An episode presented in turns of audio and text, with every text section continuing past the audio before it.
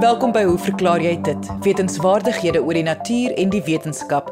Jy vra die vraag en ons span beantwoord dit. My naam is Lise Swart en ons paneelkenners vandag is medikus Dr. Heinz Middler, dierkundige professor Cecil Daniels, ekoloog Dave Peppler en herpetoloog professor Lefras Meton. As jy 'n vraag het, stuur jou e-pos na lise@rsg.co.za. Ons eerste vraag van die dag word gevra deur John Genis van die Strand en beantwoord deur ekoloog Dave Peppler. John vra: Hoe beheer 'n 100-poot of 1000-poot al sy pote? Wat is die meganismes waar volgens hulle beweeg en asemhaal? Dave Lise, uiteindelik 'n vraag oor duisendpote. Ek kry op my internet, um, op my sosiale media gereeld vrae oor en veral vir jaar met die wonderlike reën.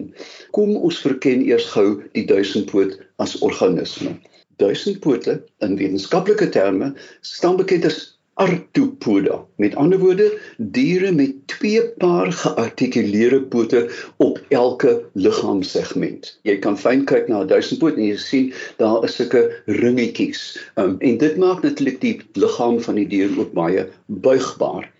Arthropoda is natuurlik invertebrate. Hulle het nie 'n ruggraat nie en die hele liggaam word gedra deur hierdie eksoskelet.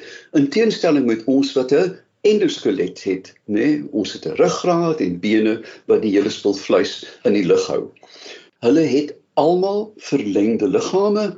Party van hulle is effens afgeplat. Maar dan kry mens natuurlik ook die pulduisendpoot. Jy ken in die tuin daai vreemde diertjie so 'n uh, 'n loodgrys goggaatjie en as jy hom raak, rol hy hom op in 'n perfekte balletjie. Nou ja, dis ook 'n duisendpoot.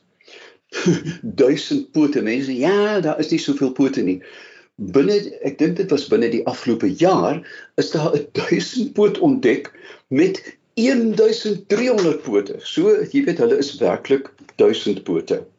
Daar's meer as 12000 spesies op aarde. So hulle kom algemeen byna van pool tot pool voor. Meeste van hulle stadig beweging en hulle is detrifore. Detrifore beteken diere wat organiese materiaal eet op en in die grond en dit dan omskep in humus. Veral in die lente kan sommige van hierdie duisendpote natuurlik ook jong saailinge eet en ek kry gereeld navraag my tamatie plantjies is afgevreet as ek die oggend daar kom en daar's nie snywerms nie en dan sê ek gaan uit met jou flits en kyk in die nag vir duisendpote. Hulle bestaan al meer as 400 miljoen jaar. Met ander woorde, duisendpote was al op die aarde in die tye van Gondwana, die groot superkontinent voor die aardplate natuurlik uitmekaar geskuif het en vandag se wêreld vir ons gegee het hulle is ook um, baie onveranderd as jy kyk na die fossiele rekord in snaaks genoeg ons alombekende Shongololo, daai groot swart blink laafveldse duisendpoot, is een van hulle wat werklik byna onveranderd deur die evolusionêre geskiedenis gebly het mens moet ook net hier vinnig byvoeg dat 'n mens met 'n bietjie kyk na die verskil tussen 'n 1000 en 'n 100 poot. Dit is twee totaal verskillende organismes. Jy weet op van die 100 pote is natuurlik uiters uiters giftig en jy moet maar katvoet vir hulle. Die eienskappe in die algemeen, hulle is van 2 mm lank tot 35 sentimeter, kan jy dit glo? Uh, en veral die uh, langes, die 35 cm is 'n sagte bleek duisendpoot en dis van hulle wat meer as 1300 pote het. Nou ja, daar's gewoonlik so tussen 11 en 300 segmente en bekend natuurlik as jy 'n duisendpoot vat en jy ruik aan jou vingers, is daar altyd 'n slegte reuk en meeste van hulle skei natuurlik stowwe af wat hulle teen predatore beskerm en sommige van hierdie afskeidings bevat sianiet van alle dinge. Hulle is gewoonlik swart of bruin, maar nou en dan vir die wat baie baie giftig is, is daar helder kleure en in die natuur staan dit bekend as aposomatiese kleure en dit is 'n waarskuwing. Ons het al van tevore daaroor gepraat, muishond wit en swart, moordvis wit en swart, bye wat jou baie seer kan steek, swart en geel. Die natuur adverteer hierdie gif.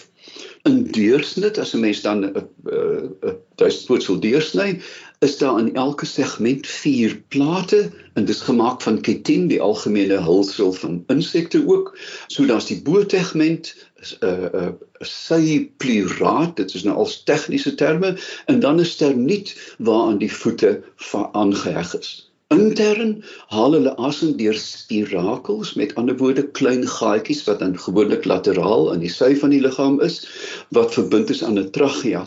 En 'n verstommende feit is dat die duisendpootse hart so lank soos sy liggaam is met die aorta in die kop met voortplantingsstyle 'n sommige spermatofoor af met ander woorde 'n pakkie van sperms wat die wyfie dan um fisies optel en haarself mee bevrug, maar um in meeste van hulle is daar aangepaste pote gewoonlik voor in die liggaam, eh, sogenaamde gonopode en hierdie is dan die organe wat hulle by die wyfie dan koppel as hulle paar. Hulle lê van 10 tot 300 eiers En as die eiertjie uitbroei, het hierdie piep klein duisendpootjie gewoonlik net drie pare pote, maar elke keer as hulle vervel, onthou dat chitin kan nie rek nie. Met ander woorde, as die dier groei met sy liggaam, moet hy die ou uh, dop afgooi en dan met elke vervelling of instaar kom daar dan 'n nuwe pote by. Hulle is prooi vir snaaks genoeg, hulle stink um vir reptiele, amfibieërs, voëls en insekte en veral die roofwans. Dit is die Engelse assassin assassin bug en mense sien veral in die laafveld baie keer 'n groot chongololo absoluut verlam lê met 'n aantal van hierdie wanse wat hulle hulle monddele tussen die segmente indruk en dan die stomme ding so lewend opsuig. Mense sien ook meer katte as hulle by shongololo kom dat hulle baie hysteries met die klein voetjies om eers in die sand rol en dit raak dan ontslaaf van die afskeidings voor hulle hom eet. Ek weet ook in Afrika is daar sekere uh bevolkings wat hierdie duisendpote fyn maak en dit gebruik vir kanker, oorontsteking ensovoorts, maar dit is beslis nie iets wat ek vir die luisteraars sal aanbeveel. Gaan liewer dokter toe as om 'n duisendpoot smoothie te maak. Nou ja, hoe beskerm hulle hulle self? Gewoonlik as jy raak aan 'n duisendpoot, rol hy hom op in 'n spiraal, maar kyk mooi die pote na binne want hierdie spiraal beskerm dan hierdie lewensgewende pote. Hoe loop 'n dier dan met 1300 pote indien jy soveel het? Dit gaan nie help om elkeen treetjies te gee 1 2 3 nie, maar volgende keer gaan jy op jou pens en kyk Die pote maak 'n golfbeweging, 'n absolute pragtige sinuskurwe en dan word die een pootjie wat opgelig en die golf gaan vorentoe, hy vat aan die grond, trek na agter, met ander woorde die liggaam en dan lig die pootjie weer op en vorm deel van die volgende golf van pote. Nou ja, ek hoop dit het naaste by die uh, vraag oor hoe hulle beweeg en waar hulle vandaan kom en hoe hulle funksioneer opgelos. Veral in 'n reënjaar kan hierdie bevolkings ontsaglik hoog raak en ek hoor vir jaar baie navrae oor duisendpote. My raad aan julle is vee hulle gelate uit want saam met die aardwurms is duisendpote grondingenieurs. Jy luister na RSG 100 tot 104 FM. Dit was ekoloog Dave Peppler. Ons volgende vraag is gevra deur Kaliforie en beantwoord deur medikus Dr Heinz Middler. Kali skryf: Ek het iewers raak gelees dat muskiete die oë bloedgroep verkies bo ander bloedgroepe. Ek sou graag wou weet of dit so is. Uit ondervinding kan ek sê dat ek O negatief is en my vrou is A positief en die muskiete takel my erg as ek niks gebruik nie maar hulle sal letterlik oor my vrou vlieg om by my te kom sonder om haar te byt. Dr Middler Interessant genoeg, insekte het nie rooi bloedselle nie. Nie soos die mens nie. In jou jou bloedgroep is is is jou hang af van jou rooi bloedsel. Op jou rooi bloedsel het jy sekere antigene of uh, stowwe wat gaan reageer as dit in kontak kom met antiliggame. Dit beteken as jy sê maar A is, het jy 'n A antigeen op jou rooi bloedsel en as jy nou daai bloed vir iemand gee want antiliggame teen A het, dan kry jy 'n bloedreaksie. En dit is hoekom uh, mense met bloedgroepe word getoets voor jy net 'n bloedoortapping het. Nou insekte het nie rooi bloedselle nie, so hulle het nie hierdie tipe van bloedgroepe nie. Hulle gebruik 'n ander stelsel. Hulle het hemolimf wat genoem word. Nou hemolimf is 'n is 'n vloeistof wat eintlik in die hele insek is. Dit omring al die organe. Dit vloei oor dit en deur dit en alles. En dit is ook nie rooi nie. Dit is geel-groen. So as jy op 'n insek trap of 'n wurm, daai goeters is dis geel en groen. Partykeer sien jy as jy op 'n op 'n vlieg trap, daar is dit rooi, maar dit is die pigment wat in sy oë is. So dit is nie daar is nie rooi nie, daar is nie bloed nie. Nou die muskiete, ons praat hier spesifiek van die wyfie. Is die ene wat jou jou byt om om bloed te kry. Nou die bloed word opgesuig. Dit beteken die bloed beland nie in die muskiet se hemolimf of enige ander stelsel nie. Dit beland in die gastro-intestinale stelsel. Nou hoekom doen die muskiete? Die rede is om proteïene te kry uit jou bloed. Ehm um, nou die proteïene is broodnodig vir hierdie muskietwyfie vir haar eiers om ehm um, uh, te volwasse te raak. En dit is hoekom hulle eh, 'n uh, bloedmaaltyd nodig het is vir oorlewing van die eiers. Alraai. So daai bloed wat um, opgesuig word, beland in die maag. Hoe doen 'n muskiet dit? 'n Muskiet het 'n proboscis. Dit is nou basies die die die die apparaat waarmee jy gesteek word en as die proboscis het twee sulke skerp stilette wat heel aan die einde is en wanneer die musiek met die ag die muskiet met die vel kontak maak, dan word hierdie twee stilette deur die vel gedruk wat dit baie maklik kan penetreer en dan soek die wyfie 'n bloedvat. Gewoonlik is daar 'n klein bloedvatjie of sy steek 'n bietjie links of 'n bietjie regs tot sy ene kry en dan word hierdie twee buisies van die word deur die stilette in die bloedvat afgesak. En in die een buisie word daar nou 'n antistolmiddel uitgeskei en in die ander ene word die bloed opgesuig want nou kan dit nie stol nie en dan beland dit in die maag. Nou daai is maar 'n klein bietjie al voel dit baie erg is dit maar 0.4 ongeveer gemiddeld uh, milliliter bloed wat opgesuig word. Maar jy moet nou, nou onthou die parasiete van malaria is baie klein en so elkeen van hierdie suigprosesse kan sy uh, 20 miljoen uh, malaria parasiete, jy weet, uh, kan daar inteenwoordig wees.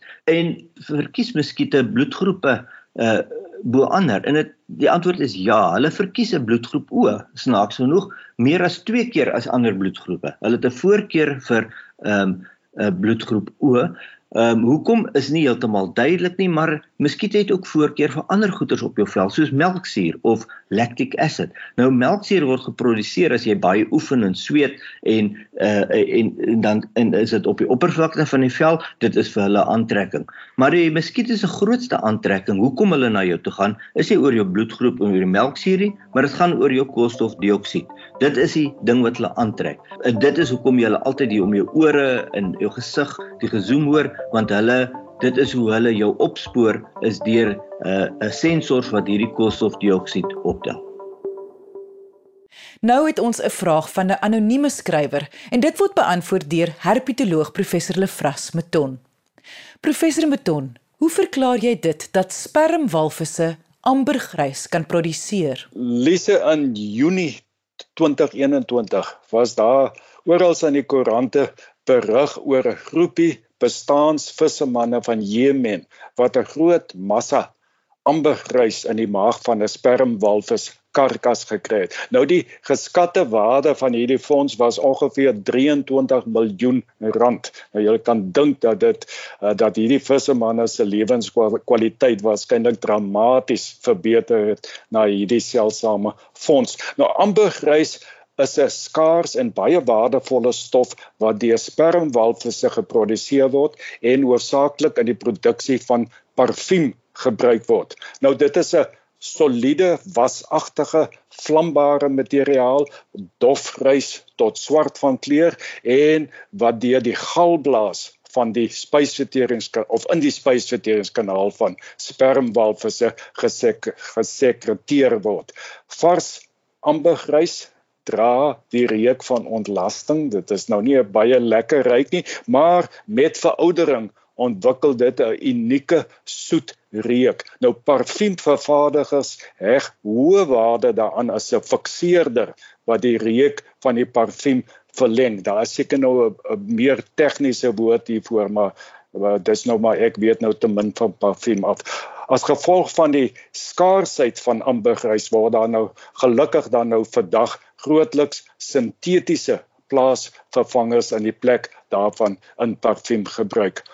Omdat die harde bek of snavel gedeeltes van die reuse inkvis wat deur die spermwalvisse geëet word, in die ambergrysstukke gevind word, is wetenskaplikes van mening dat die moontlike doel van die afskeiding is om skerp voorwerpe vas te vang en te help met die beweging daarvan deur die spysverteringskanaal sonder enige skade aan die wand. Ambergrys word soos gewone ontlasting dan nou van tyd tot tyd uitgewerp, maar as die massa te groot word, uh dan word dit opgebring Daar word dan ook na drywende stukke ambergrys op die seeoppervlak as walvis braaksel verwys.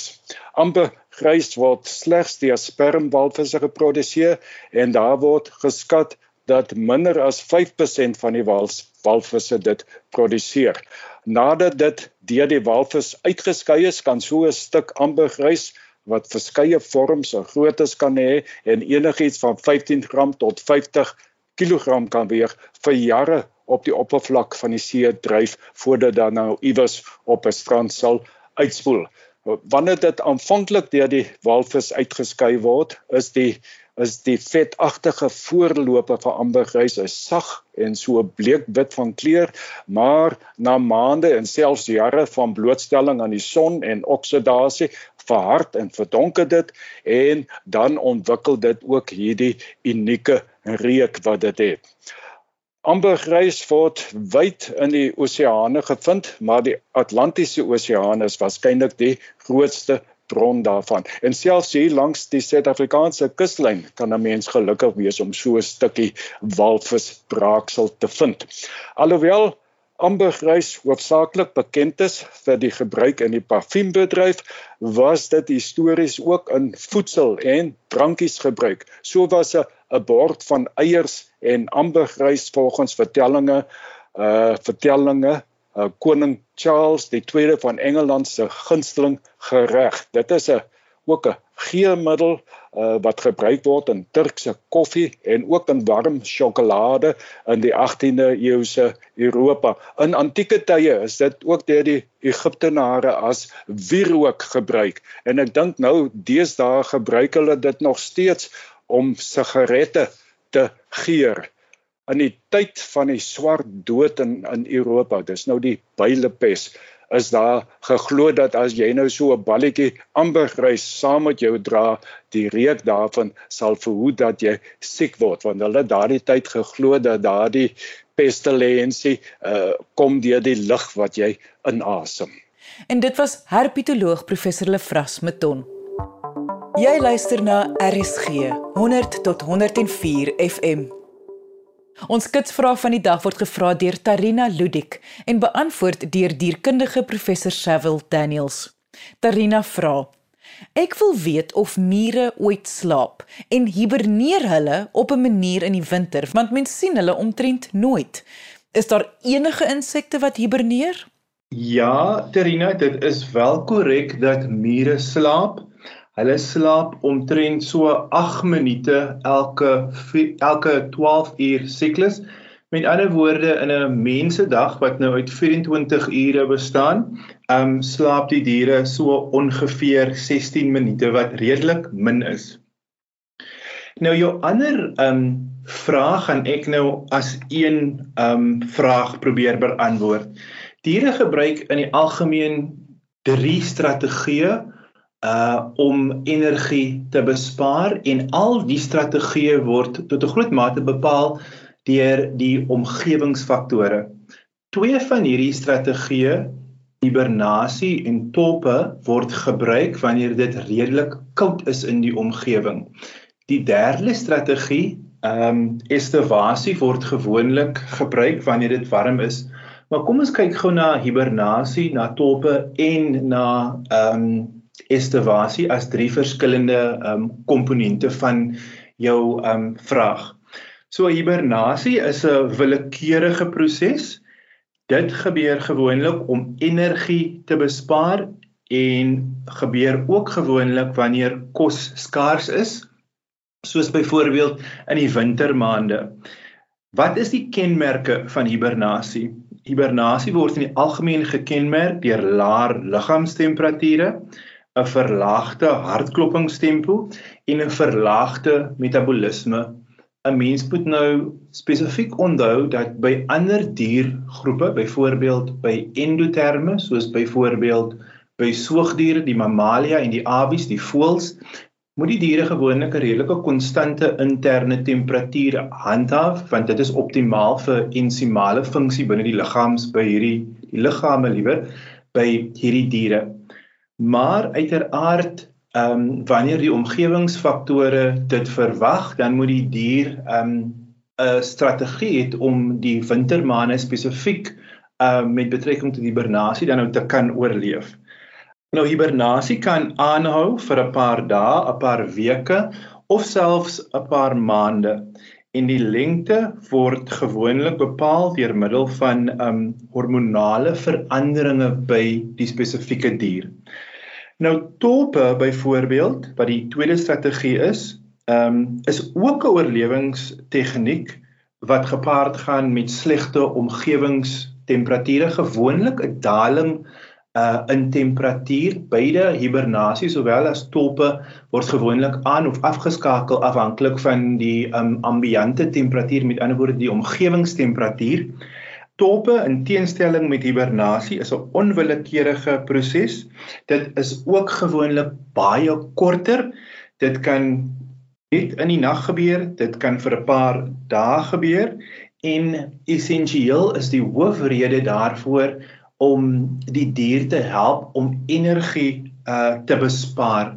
So, hoekom sou die dier energie moet bespaar? As 'n mens nou dink byvoorbeeld um aan endoterme, byvoorbeeld mense sowel as voëls of soogdiere sowel as voëls byvoorbeeld, moet 'n mens onthou die liggaamstemperatuur moet redelik konstant gehou word, soos ek nou net voorheen gesê het vir optimale ensimale funksie en sowel as vir die metabolisme van die organisme.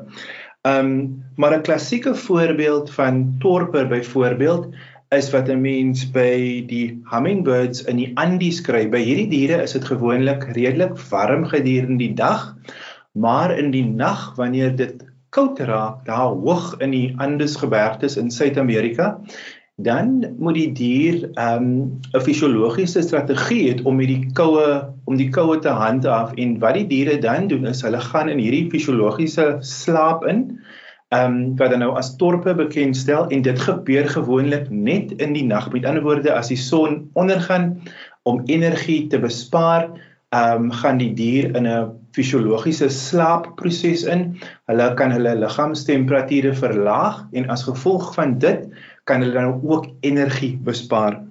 Die derde en laaste strategie wat diere gewoonlik gebruik is estivasie en in teenstelling met hibernasie en toppe gebeur hierdie estivasie gewoonlik in die somermaande. Met ander woorde, ehm um, dit is 'n aanpassing vir warm en droë tye van die jaar En 'n klassieke voorbeeld van dit is wanneer 'n mens byvoorbeeld langs die Weskus ry sien 'n mens altyd so 'n klomp honderde slakke, die gastropode, die slakke wat mense in die lamppale sien of in die pale langs die Weskus veral.